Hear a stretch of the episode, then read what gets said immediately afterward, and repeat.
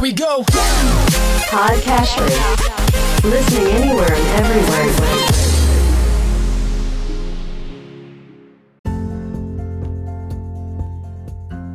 Welcome to Weekly Investment Podcast bersama saya Ferdian Syahputra dari Ispring Investment Indonesia untuk Prudential Indonesia.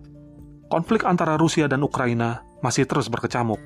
Menurut catatan Perserikatan Bangsa-Bangsa, hingga 1 Maret 2022, sedikitnya 136 warga sipil tewas, termasuk 13 anak dan 400 orang lainnya terluka sejak pertama kali Rusia menggempur Ukraina pada 24 Februari 2022. Invasi yang dilakukan oleh Rusia ini tentunya membuat berang berbagai negara dan berujung pemberian berbagai sanksi kepada Rusia.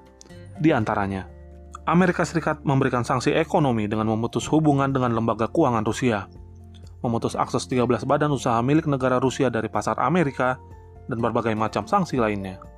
Uni Eropa sendiri memberikan sanksi antara lain membekukan aset dan melarang tiga bank utama Rusia menggelar transaksi finansial, Uni Eropa juga menambah perusahaan milik negara Rusia ke dalam daftar sanksi dan melarang elit-elit Rusia mendepositkan uang ke berbagai bank di wilayah Uni Eropa.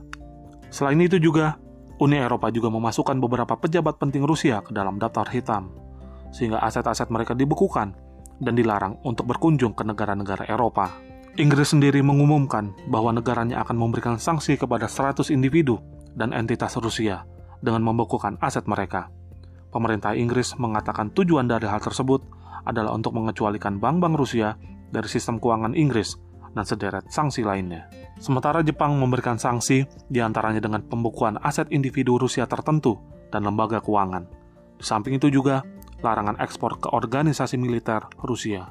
Selain Amerika Serikat, Uni Eropa, Inggris, dan Jepang, beberapa negara lain juga turut memberikan sanksi terhadap Rusia, di antaranya Kanada, Swiss, Prancis, Australia, Selandia Baru, dan Taiwan.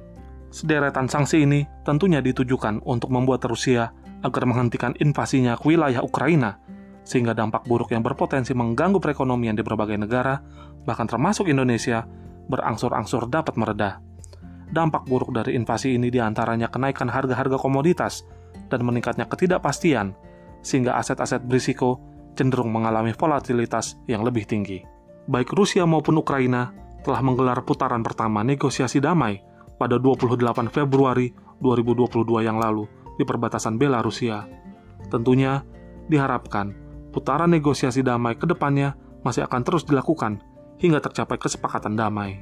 Demikian Weekly Investment Podcast mengenai kelanjutan konflik antara Rusia dan Ukraina. Semoga bermanfaat dan salam investasi.